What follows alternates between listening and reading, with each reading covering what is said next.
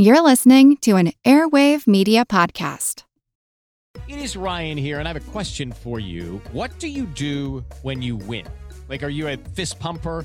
A woohooer, a hand clapper, a high fiver. I kind of like the high five, but if you want to hone in on those winning moves, check out Chumba Casino. At ChumbaCasino.com, choose from hundreds of social casino style games for your chance to redeem serious cash prizes. There are new game releases weekly, plus free daily bonuses. So don't wait. Start having the most fun ever at ChumbaCasino.com. No purchase necessary. VGW Group. Void were prohibited by law. See terms and conditions. 18 plus. We all know how important it is to keep your eye on the money, and not just your own. Stay on top of the latest financial and market news with Yahoo Finance, a podcast that releases new episodes almost every day. You'll hear a brief overview of the biggest news in the financial world, all in three minutes or less, right after markets close. Check out Yahoo Finance wherever you get your podcasts. That's Yahoo Finance wherever you get your podcasts. This is Kick Ass News. I'm Ben Mathis.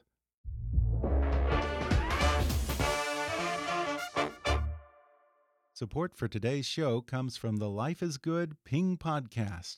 Join co founders of Life is Good, Bert and John Jacobs, as they talk to influential musicians, athletes, business leaders, and everyday people about the role of optimism in their lives. They'll also end each episode with a ping pong charity challenge where the winner gets to donate to their charity of choice. The Life is Good Ping podcast kicks off Thursday, June 13th with the legendary Ringo Starr. Subscribe now on Stitcher, Spotify, or iTunes and add some good vibes to your day. And now, on with the show. Hi, I'm Ben Mathis. Welcome to Kick Ass News.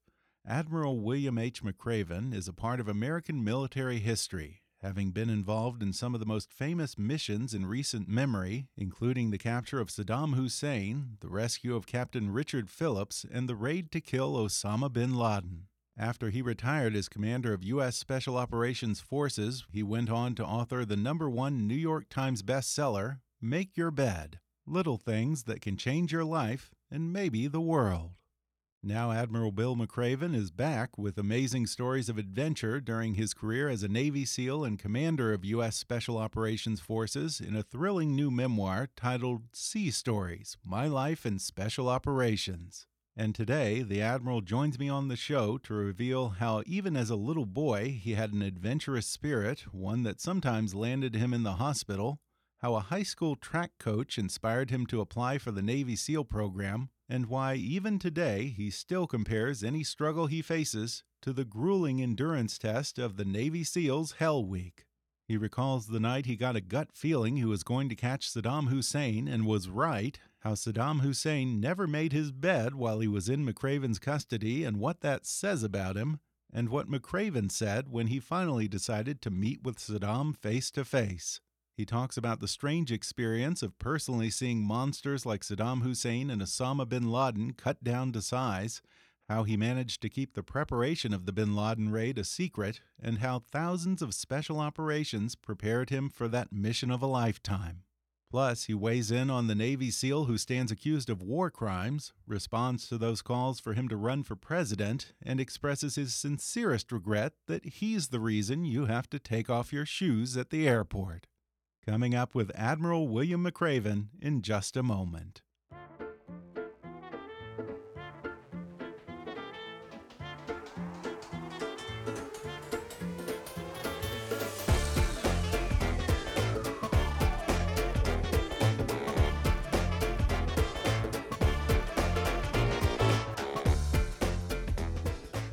In his 37 years as a Navy SEAL, Admiral William McRaven commanded at every level. His final assignment was as commander of all U.S. Special Operations Forces, and after retiring from the Navy, he served as the Chancellor of the University of Texas System from 2015 to 2018. He is the author of the number one New York Times best-selling book, Make Your Bed, and now he's followed it up with a new book titled Sea Stories, My Life in Special Operations. Admiral William McRaven, welcome to the podcast. Hey, thanks. Great to be here. Can I just address you as Admiral Badass? Because after reading this book, I feel that that's a little bit more to the point. Yeah, you know what I hope people take away from the the book Sea Stories is is not so much about, uh, frankly, you know my sea stories, but about the great soldiers, sailors, airmen, and Marines that uh, that I worked with. Uh, you know, I tried to capture you know their courage, their heroism, and, and their sacrifice in the stories. Admittedly, it, the stories are through my eyes, but uh, but again, I hope hope the takeaway is about these great young men and women that I had the honor to work with. Yeah, and I have to say it was a really fun read. And you tell these incredible stories of some of your closest calls and greatest successes, including some of the most important special operations missions of the past four decades. You certainly have a talent for storytelling, but I guess it's kind of in your DNA from what I read here because growing up as a quote unquote military brat hanging around your dad and his buddies, you must have heard a lot of war stories like these all the time. You know, I did. Uh, my father was a, uh, a, fighter pilot during World War II. And of course, uh, today is uh, one of the the more solemn yet inspiring days in uh, in military history with uh, the landing at, at D-Day and and the great sacrifice of those young men, both Americans and allies, that participated in that really historic event. Uh, but my dad, uh, again, uh, that generation, that kind of greatest generation, uh, they they tended to, to, tell stories, you know, and these were these were men and women who were children of World War One and the Great Depression, and then all the men went off to World War Two, and some of them continued on to Korea. So I would sit kind of at the you know the feet of my dad and listen to him and his buddies talk about you know the, their adventures and and the stories were always uh, poignant. They were funny. They were inspiring. Maybe sometimes a little unbelievable.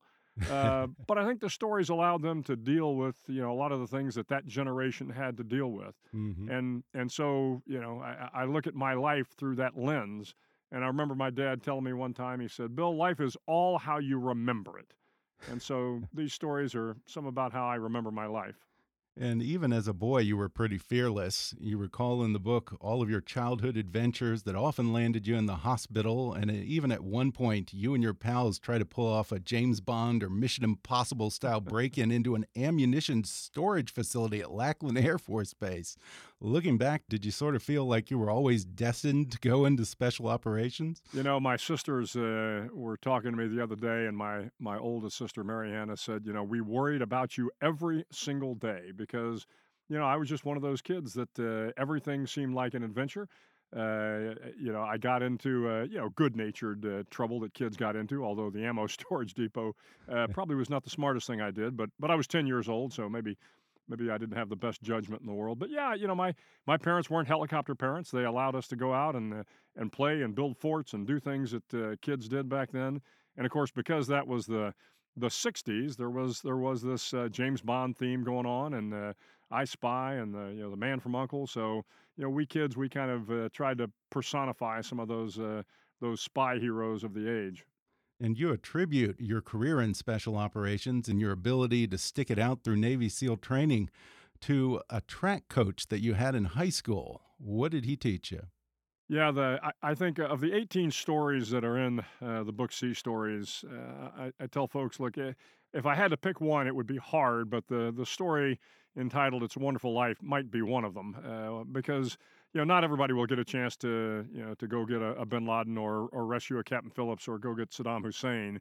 But the story of uh, Coach Turnbow, he was uh, an assistant football coach at my high school at Theodore Roosevelt High School in San Antonio and I was a, a miler on the track team.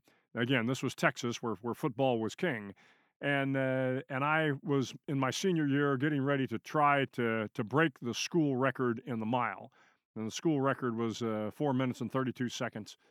And I was on my second to the last race, and frankly, didn't have a good race. I ran a 4:37. That was five seconds off the school record, and that's a that's a long ways away from the record uh, in the mile and I had one week left, uh, one more race left. And the night before the race, my dad uh, says, "Hey, uh, coach is on the on the telephone for you."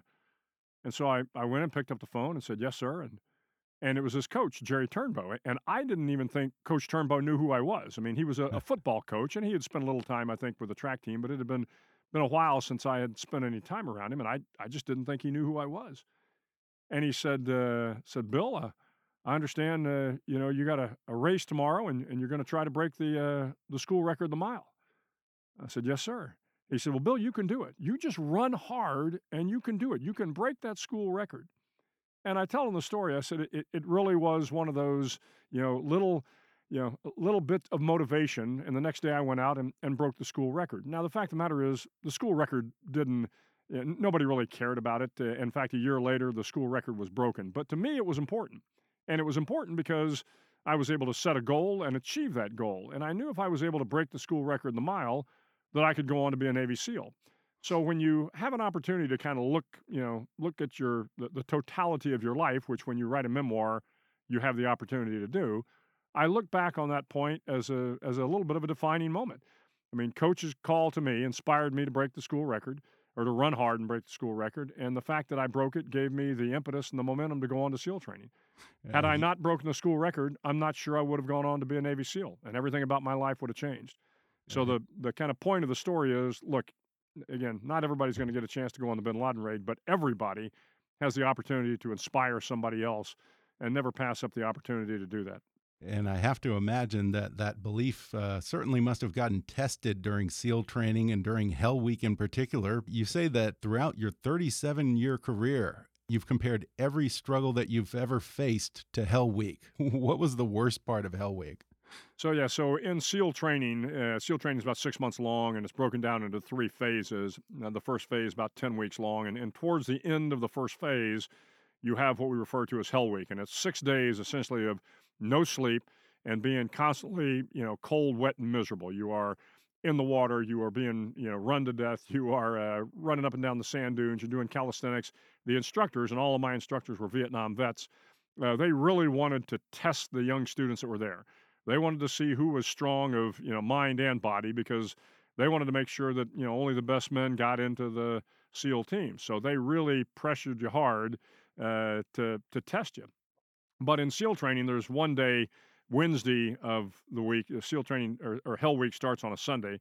And on Wednesday of that week, we go down to the Mud Flats. And the Mud Flats was an area in South San Diego where the water from Tijuana and San Diego kind of created this slough area. And and in the slough, you know, the mud was uh, was about three or four feet deep, uh, thick, uh, deep at the uh, in the center of the slough and you would go through these uh, you know mud wrestling and mud relays and, and the mud was cold and it was it would grab you and you know you hadn't slept in three or four days and it was exhausting. But the one thing about the mud flats that i remember is uh, at one point in time my class which was at about 55 guys i think at that point in time had committed some you know egregious violation of the rules so the instructors had thrown us all in the mud. And you know we're lined up in kind of three rows and we've locked arms for solidarity.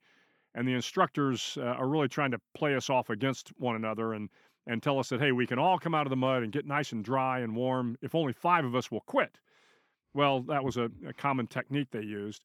But at one point in time when i could see a couple of guys were getting ready to quit one young kid at the end of the, the line i was in started singing. And you know it was this song that was kind of terribly out of tune and uh, but but sung with great enthusiasm as i've said before and, and all of a sudden another guy started singing, and then another, and the instructors came running up and yelling at us to stop singing, but the singing persisted, and and the the point of that story was the fact that you know it wasn't the officer that started singing; it was one of the junior enlisted guys, and that guy gave us hope, gave all of us hope that if he could sing when he was up to his neck in mud, you know maybe the rest of us could make it through this very very tough evening. And because that kid gave us some hope, gave us some inspiration, we all made it through Wednesday of Hell Week and, and pressed on. And almost all of those men made it to the end of Hell Week. Um, but you mentioned earlier, you know, when I would go through the rest of my my career, there were a lot of days when I was cold, wet, and miserable, and I would measure them by was I as cold and wet and miserable as I was in in Hell Week? And most of the time, the answer was no. Has there ever been anything worse than Hell Week? I mean, you've you've had broken bones, blood cancer, nearly drowning. I mean, you've certainly put yourself to the test. Yeah, you know, I, have had a lot of, uh, you know, again, I I had a helicopter that uh, went down in the water. I had a parachute, very severe parachute accident. Uh, had a, a, pretty bad boat accident. But I will tell you, you know, when I, I look back on those relative to the injuries that I saw kind of post 9 11, uh, the young men uh, and women that were in Iraq and Afghanistan, you know, mo- most of my injuries were, were just a scratch mm-hmm. compared to, to some of those young, uh, young great warriors. Um, but but yeah, you know, you, you have times that are difficult. Everybody has difficult times in their life, uh, and and you know what what I hope again people see in the book is that you know you can overcome those difficult times. Uh, sometimes you need a lot of people to help you. And when I talk about my parachute accident, which was in 2001, right before 9/11, um, I was the senior SEAL on the West Coast. I mean, I, I was an important guy, you know, and I and I thought I was kind of invincible.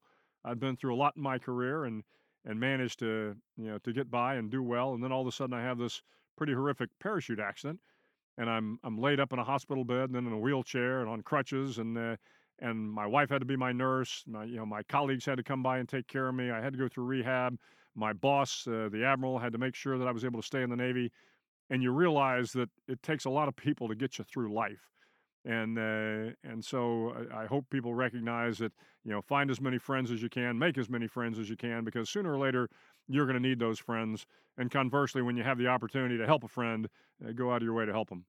Uh, yeah, and when you got in that accident, you ended up having to take three weeks of leave to recover. But as you tell it, that three weeks very well may have saved your life because otherwise you would have been in the Pentagon on 9 11 and might have died, right? Well, I, I don't want to make too much of that. Uh, okay. I, I, will tell you, I mean, uh, yes, I, I had to rehab. I had to do my rehabilitation back in San Diego. I was supposed to go to the Pentagon, but I would never make that uh, leap of logic to say that I would have been there, you know, right at that point in time. There were there were too many great, uh, you know, folks lost in the Pentagon for me mm-hmm. to equate my accident with a relationship with that. What did happen, however, was that I didn't end up going to the Pentagon. I ended up going to the White House uh, after 9/11, and that really did kind of change uh, a lot of my future because I spent two years in the White House from October of 2001 to uh, you know, June or July, I forget, of 2003 and and I was able to serve uh, you know under uh, President George W. Bush and had a chance to kind of see how the how the White House ran and and how decisions were made and that was very helpful for me later on when I became an admiral because I I knew how to get uh, you know presidential decisions made and how to to kind of move the needle on on key mm-hmm. uh, key issues. So the the point about not uh, you know not heading off to the Pentagon really wasn't trying to relate it to 9/11 as much as it was to say that as I moved to the White House, uh, that that again kind of fundamentally changed the trajectory of of my future because I understood how things worked in the White House uh, for my future assignments. And yet, in Sea Stories, there are a number of stories where either you've had a gut instinct or felt the hand of providence somehow guiding you and experienced something that just seems totally unexplainable. In fact, in one case, on a mission in, I think, British Columbia, it sounds like you may have even witnessed something that can only be described as supernatural. What do you make of all that? Well, you know the uh, the mission in, uh, in, in British Columbia uh, referred the, the chapter is called "The Ghost of Tofino," and and unfortunately the Navy lost um, a, a, uh, a, surveillance plane back in 1948. Uh, we were we were asked to go up to try to find this uh, in, in, the late 80s, and and we were able to find the the remains of the plane and.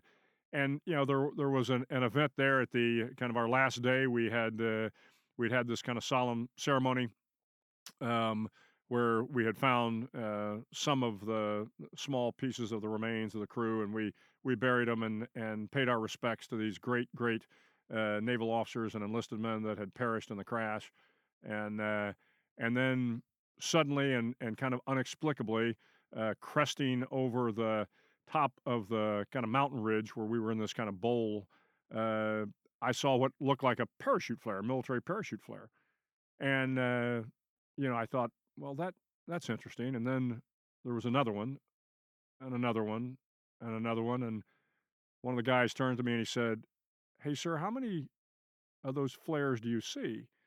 And I looked up, and there were nine of them, and there just happened to be nine crew members on the plane. Now, I will tell you, I'm sure there is a perfectly logical explanation.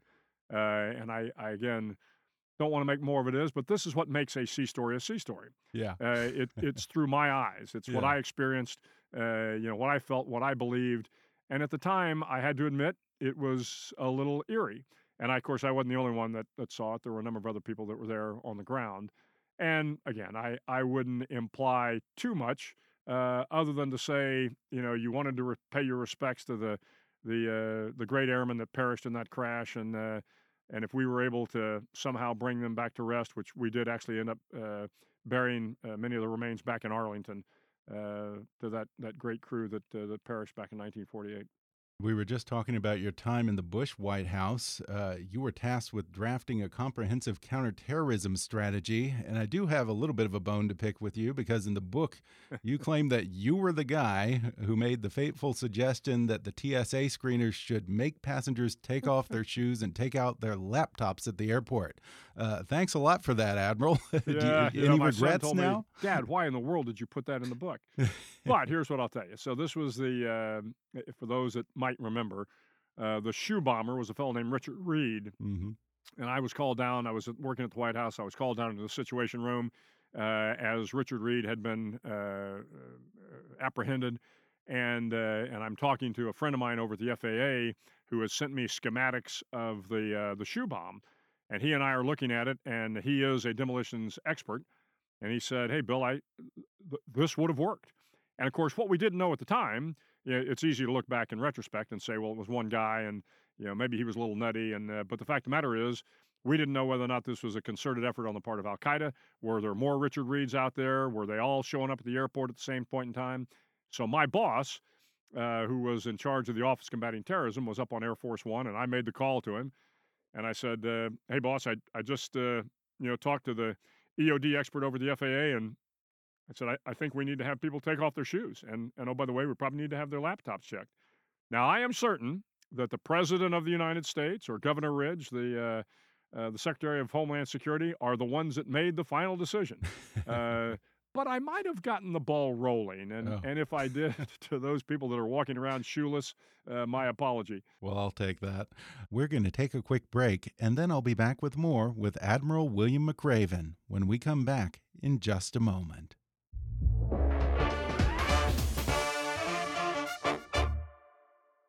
The median annual salary for a cloud computing job is $146,000. Stay up to date and master the tech skills that companies want with a Udacity Nano Degree. Udacity's Nano Degree programs use the most effective online methods to teach technology subjects from computer programming to the latest in cloud computing. Now get 10% off when you go to udacity.com/kick and use code KICK10. Udacity works directly with industry experts to design programs that include real-world subjects, providing you with true hands-on learning. You'll develop a job-ready portfolio that showcases the right tech skills. Udacity's flexible pay-as-you-learn monthly program lets you learn at your own pace, and they'll work with you to create a custom learning plan that fits your schedule. In addition, you'll get a personal one-on-one technical mentor who can answer your questions and keep you on track. Udacity provides a full suite of career services, including coaching and resume review, to help you land the job you want. Start your future today. Go to udacity.com/kick and use code KICK10 to get 10% off. That's Udacity, U-D-A-C-I-T-Y dot com slash kick, code KICK10. Save 10% today. Ancestry connects you to the places in the world where your story started, using precise geographic detail and clear-cut historical insights. You can even trace your ancestors' journeys over time following how and why your family moved from place to place. And to amplify your results, you can start a free trial on Ancestry and build a tree so your ancestors become more than just a name. Only Ancestry can tell such a rich story with unique features that give a more complete picture about a person. My wife recently took an Ancestry DNA test to learn more about her Scottish heritage. I was so blown away by her results that I immediately ordered my own Ancestry DNA kit. The test was incredibly easy to take, it only took five minutes, and now I can't wait to see if some of the old family stories are true. In the meantime, Ancestry DNA gives me real time updates every step of the way. Go to ancestry.com/kick today for 20% off your Ancestry DNA kit. That's ancestry.com/kick for 20% off your Ancestry DNA kit. ancestry.com/kick. When America went to war with Iraq, you were placed in charge of the hunt for Saddam Hussein. And uh, there's another case here where you sort of trusted your gut feeling and it ended up paying off. Can you tell us about the night that you knew you were going to catch Saddam? Yeah, so um, uh, we had been, I got to Iraq in October of 2003, and we'd had a lot of leads on Saddam Hussein, and, and frankly, none of them had had panned out. Uh, and then in mid-December, uh, we got this uh, lead from a guy we had held in our little jail cell. But I had a meeting to go to down uh, in in Qatar. So I was going from Baghdad, getting on a C-130 aircraft, and heading down to Qatar. The night before, I'd had a chance to talk to one of the uh, Army intelligence analysts from our great Army Special Operations Unit that uh, that was uh, really doing doing the hunting, and he had said something to me. And and again, as I tell folks, I think intuition has a lot to do with experience. You know, when do, when does your mind uh, begin to put the pieces of the puzzle together? Mm-hmm. Well, I hadn't put the pieces uh, to the puzzle together. I got on the C-130 and I was heading from Baghdad, and we'd gotten airborne, and we're heading across, and then all of a sudden, I just had a little bit of an epiphany, and I said, "Tonight's the night." So I, I grabbed my aide and I said, "Hank, uh, we got to turn this plane around. Uh, we're going to get Saddam tonight." And he, he said, Sir, did, did somebody call you? Uh, did, did you get some intelligence? What's going on? I said, No, we just need to turn around. Well, we couldn't turn around because we were in Iraqi airspace. We actually had to fly to, to uh, Qatar. Uh, I got another C 130 and immediately came right back. And sure enough, as, uh, as I got back on the ground in Baghdad, got into my command center, the Army Special Operations Unit uh, under Lieutenant Colonel uh, Bill Coultrup was was moving to their, their first objective and then began to move to the second objective and uh, and sure enough, the and I think you, you've probably seen the photo of the the iconic spider hole. Uh, Yeah. They they found Saddam, pulled the pulled the lid to the spider hole out, and there was Saddam, and he said, "You know, I'm Saddam Hussein, the president of Iraq, and I'm here to negotiate." And as uh, Talk about negotiating from a position of strength, huh? yeah, as uh, legend has it, and, and I'm told it's true. One of the uh, one of the great army operators said, uh, "Well, sir, uh, President Bush sends his regards." and uh, they pulled Saddam out and then brought him back to Baghdad, uh, where I held on to him for about 30 days. Yeah, Saddam was what I might euphemistically call your guest at Camp Nama for a month or so. Uh, during right. that time, you say that you avoided direct contact with him, but when he was supposed to be transferred out of there, you finally decided to meet him. What was that like meeting him? Well, so I actually saw him every day. So Right, I right. went into his. We kept him in a in a room uh, where I had a medic or a corpsman and a, a guard in the room, uh, 24 hours a day. And I had given them specific instructions not to talk to Saddam. I didn't want him to engage in conversation. But I went in every day to check on him to make sure, again, he was doing okay because we had a responsibility. He was now essentially a, a POW for us, and we treated him very well. Um, but uh, I would go in, and he would always try to engage me in conversation, and I would motion him to sit down because I didn't want to get into a conversation with him. Uh, I wanted him to understand that his days of being the president of Iraq were over, uh, and uh, you know he didn't he didn't really deserve to have a conversation with anybody. But uh, unbeknownst to him, of course, uh, I was getting ready to transfer him on on about day thirty. I think it was actually New Year's Day, uh, New Year's Eve, um, and uh, nah, must must have been later than that, because we I think we captured him on the thirteenth, and so it was probably mid mid uh, mid January.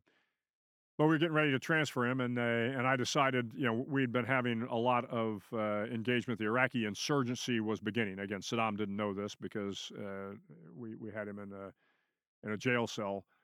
But I went in and finally sat down and, and told him, I said, look, you know, a lot of your Iraqi compatriots are are getting killed because they're continuing to fight, and you know, uh, you need to tell them to lay down their arms. And I knew it was a gamble. I mean, I, I knew he probably wouldn't agree to do that, but I figured I had nothing to lose.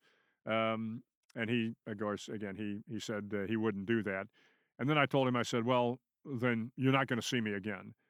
And and I could tell that upset him because he knew he was in a, a fairly you know good place. And that night, uh, we we transferred him to the military police unit, not too far away.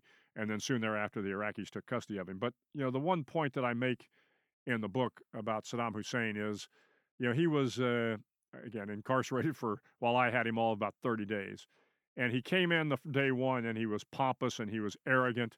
Uh, but I will tell you, a week or so into it, he was just a pathetic old man.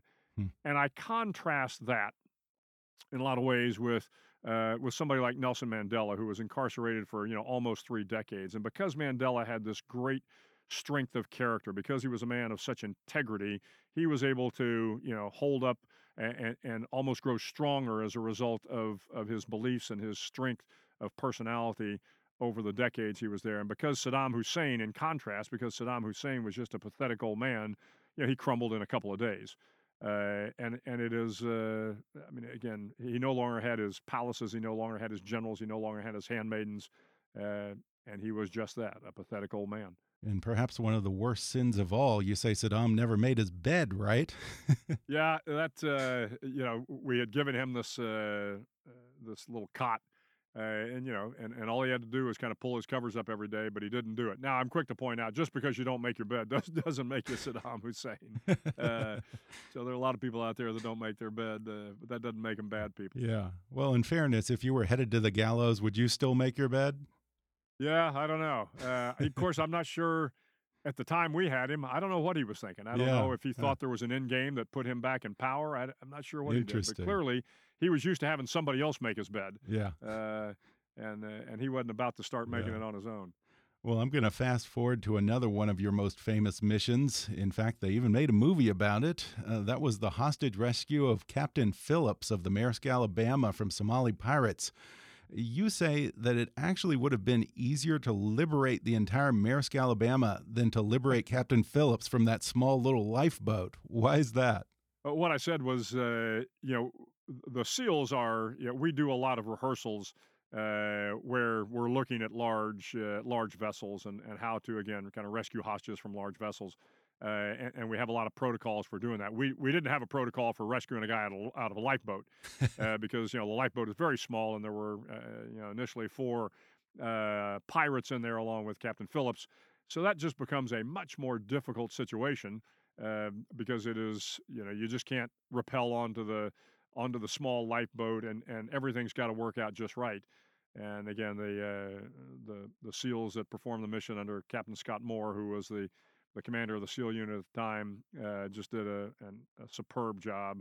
Uh, and again, I hope what people take away from all of these stories is is really not about Bill McRaven.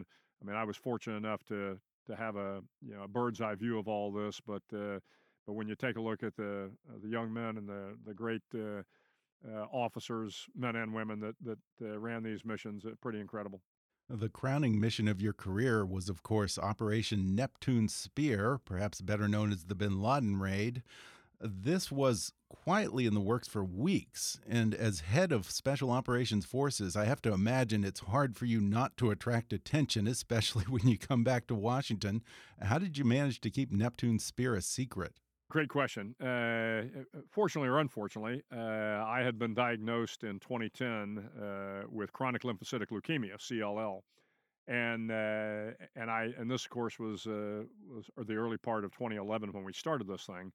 Uh, and while I I didn't tell people overtly that I was coming back to be checked on, uh, I, I think my staff felt that these were questions better not asked. Uh, so I went from Afghanistan, where I was uh, kind of uh, spent most of my time, Afghanistan, and then bounced back and forth between Afghanistan and Iraq. But at the time, I was in Afghanistan, and I would come back every couple of weeks, um, and then for a little bit longer as the mission began to uh, uh, to really get into full swing on the rehearsals. But also at the same time, which was helpful from a cover standpoint, was Libya uh, was beginning to fall.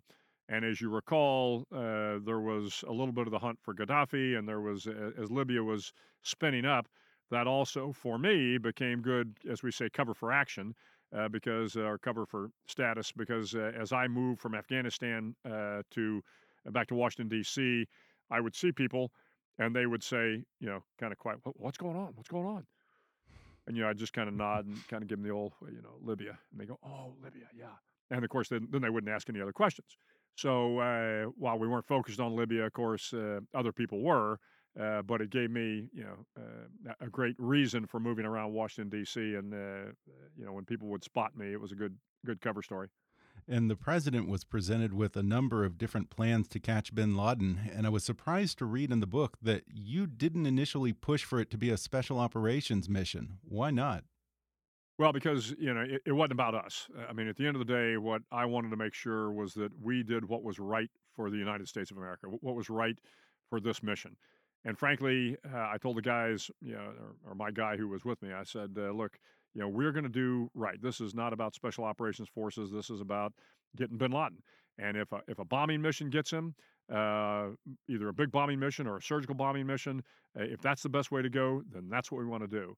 Uh, so, no, I didn't push the special operations raid. It just got to the point where the president recognized one, a, a big bombing mission, which was going to level the compound, uh, was going to you know kill a lot of uh, innocent innocent uh, women and children. The president absolutely didn't want to do that, and even the more surgical uh, strike uh, might have killed you know a couple of innocent civilians, and the president just uh, didn't want to do that either. Mhm. In light of the fact that, of course, we didn't know whether it was Bin Laden, uh, but uh, but the president obviously did not want to have any uh, civilian uh, casualties. Um, so the raid made the best sense. One, we could get in there, we could minimize civilian casualties, uh, and uh, we could verify that it was Bin Laden. If we did a bombing mission and we leveled the place, uh, we might get Bin Laden, but we might not know it was him. And and people could always say, well, it wasn't him, and uh, he's still alive, and the you know the mythology of Bin Laden would continue. But as it was, we were actually able to you know not only um, uh, you know get him on target, but bring the remains back and, and verify that it was Bin Laden, uh, and and you know kind of put the whole issue of Bin Laden's identity to rest. Uh, yeah, you insisted on personally seeing him for your own eyes. What did you think when you first saw him? Yeah, so the the, uh, the president, uh, I was on a video conference with the president, uh, kind of uh, at one point in time in the mission, and uh, as the SEAL team was coming back across the border, the president says, "Well, you know, do you know whether it's Bin Laden or not?" And I told him, "No, sir. I need to go, you know, uh, take a look at the remains for myself and, and be able to tell you personally that that I think it's him." So the airfield was just a couple of minutes from my little command post, and I uh, I drove over there about the time the SEALs were landing. They they brought the remains back in. We put them on the hangar floor. Uh, I, I unzipped the body bag without getting too graphic. Uh, he obviously didn't look too good. He had, a, had taken a couple rounds, and and the beard was a little shorter, uh, but it was clearly him. Uh, so you know, it was important for me to you know personally identify it because at the end of the day, I was I was going to have to tell the president of the United States, who I assumed was going to tell the rest of the world that we had in fact got Bin Laden, um, and, and I was able to able to do that with a you know a high degree of certainty. Is it ever surprising to you when, you know, we have these villains like Osama bin Laden or Saddam Hussein, and then you have them either dead on a floor or sitting in a prison cell? Uh, what is the impression that you get? They just, it has to take away so much of what we build up around them. I think that that's a great point. Uh, you know, uh, villains and heroes to some degree, but villains certainly take on a mystique of their own. And uh, and to your point about Saddam, uh, I mean, this guy was a megalomaniac. Uh, he killed you know thousands of his own people, tens of thousands of Kurds. Uh, I mean, he was about as evil as they came. Uh, but when he when he was all alone by himself, uh, you know, he wasn't ten feet tall. He wasn't a, a you know an evil mastermind. He, he was just he was evil personified, but again, kind of a pathetic old man. Mhm. Evil. Bin Laden, uh, again, if you recall from the uh, you know, from what we gathered on the second floor, you know, when the guys went in after they got Bin Laden, they found a, a kind of a treasure trove of intelligence on the second floor, and one of those was a tape of Bin Laden watching TV. And you may remember this uh, because the uh, uh, the president Right. made the decision to release that particular tape, and Bin Laden was sitting there, you know, looking at uh, at some uh, again some tape of himself, I think, on on television, and again, a, an incredibly evil person, um, but uh, but also uh, you know pathetic uh, in his own in his own right.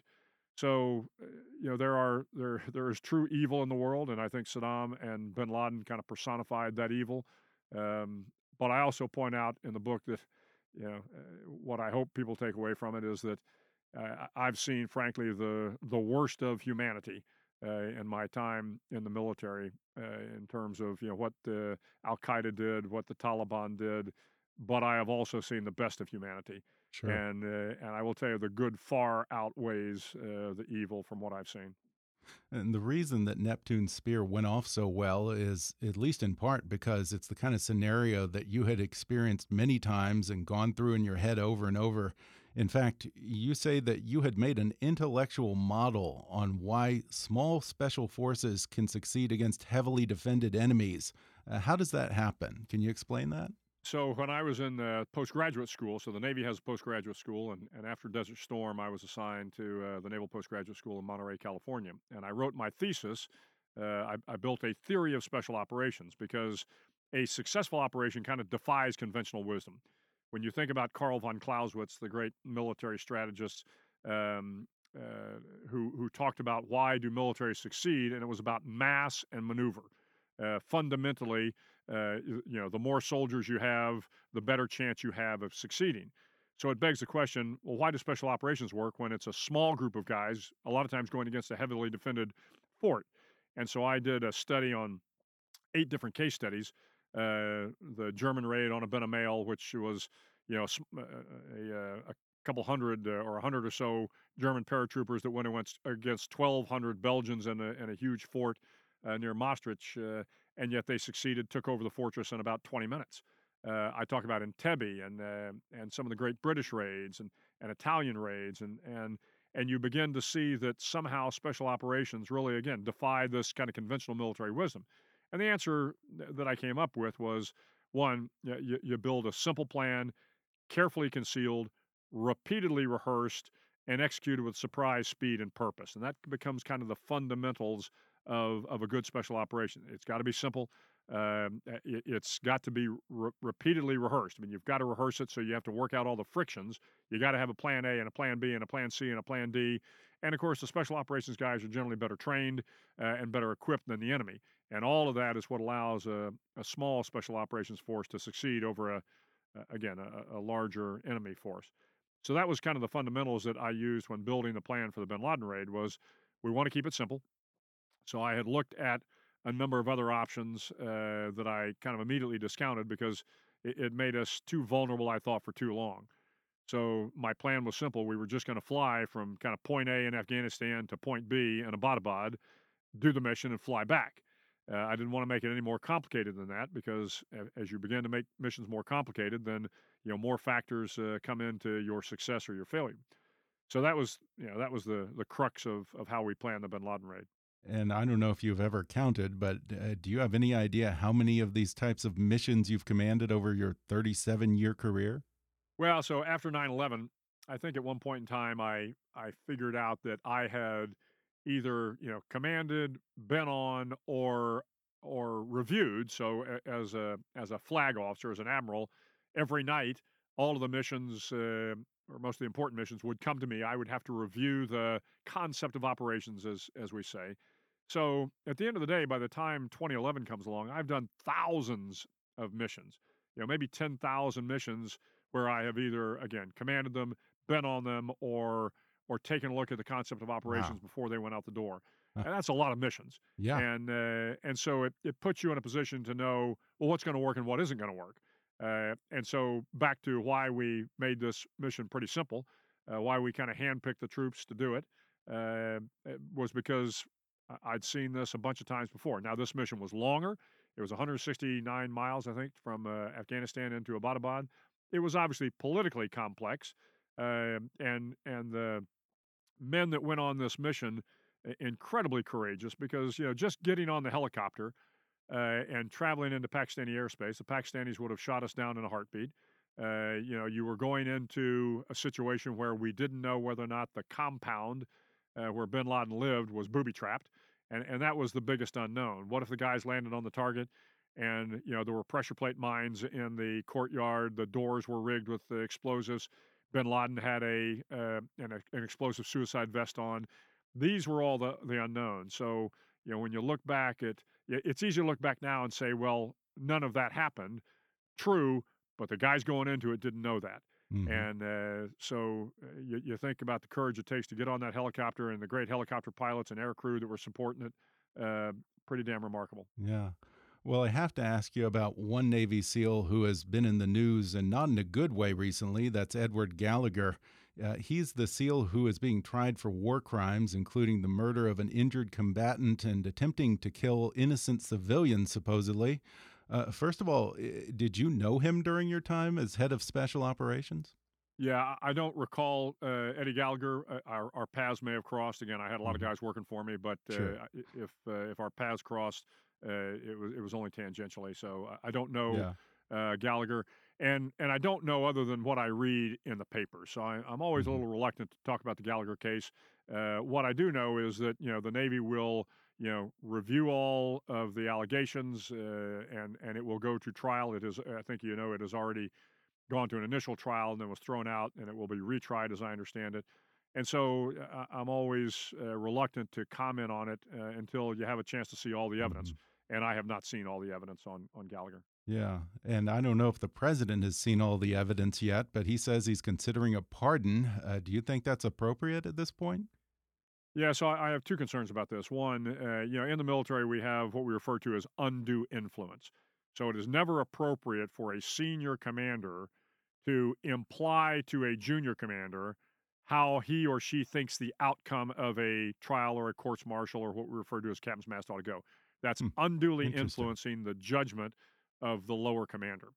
Uh, and you're, you're not allowed to do that. Now, once the trial or the courts martial is completed, then once you have the whole evidence, if you are in the chain of command, then you can render a different judgment if you're allowed to do so. So the president certainly has the authority uh, to pardon uh, whoever he wants to after he reviews the the information uh, that comes out of the again the trial of the courts martial. So uh, again, I, I would caution the president: don't wade in until the trial is complete, and then you get a chance to review all of the evidence.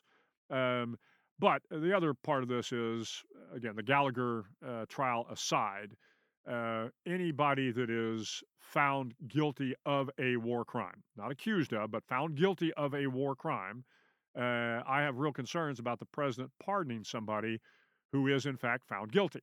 Mhm. Uh, because we in the military live by the uh, by you know the Uniform Code of Military Justice and the kind of the overarching law of armed conflict. And the law of armed conflict is pretty specific on how you have to deal with civilians, uh, how you have to deal with POWs and detainees. Uh, and if we begin to violate that, or if e- either our allies or our enemy thinks that we don't, uh, you know, follow our own rules, I don't think that's a, good precedent at all for for us to be setting. And I think it undermines, uh, you know, the, the military judicial system uh, if we begin to pardon those that are found guilty of war crimes. Again, accusations need to be taken to a courts martial. Uh, they need to get all the evidence out and uh, and allow people to make a final judgment. But if in the final judgment somebody is found guilty of a war crime, then I think it's a, a very bad precedent to pardon somebody found guilty of a war crime. Now, before we go, recently you were asked about running for president, and you said you're not completely closing the door to running for president. That's not exactly a Sherman esque statement. Theoretically, if you did, do you think that you would run as a Democrat, Republican, or maybe an independent? Yeah, I'm not sure I, I No. left the door open. Okay. Uh, if, if I if I did, let me close it. Okay. Uh, no, I have absolutely no plans on on running for uh, for president. Now, what I have said is, uh, I like policy. I don't particularly care for politics. Uh, I I admire and respect those people, uh, those Americans that step up and uh, and put their name in the hat. Uh, it is just not something I think I would be good at, to be honest with you. Um, but I do like policy, and if the right administration came along and there was an opportunity to serve again uh, in a policy arena, I would absolutely consider that.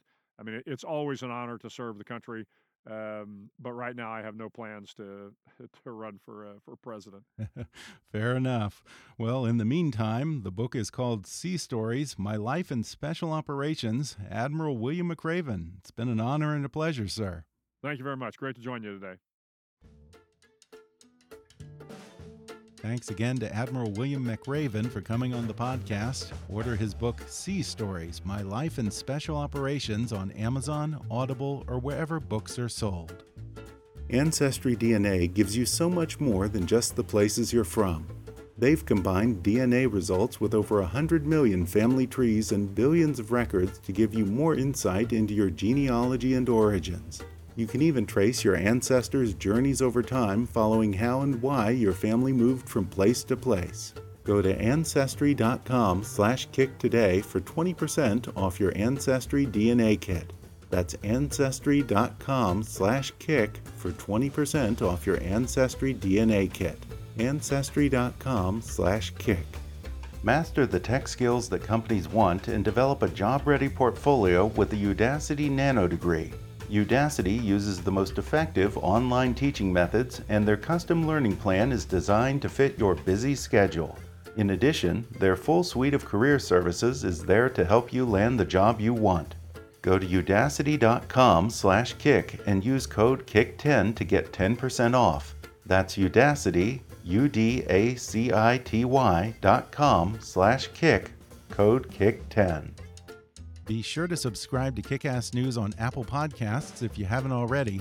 And if you like what you're hearing, then rate and review us while you're there. Five star reviews are the easiest way for new listeners to find us. Don't forget to like us on Facebook and follow us on Twitter at, at KickassNewsPod. And feel free to email me with your thoughts, questions, and suggestions at comments at kickassnews.com. Until next time, I'm Ben Mathis, and thanks for listening to Kickass News.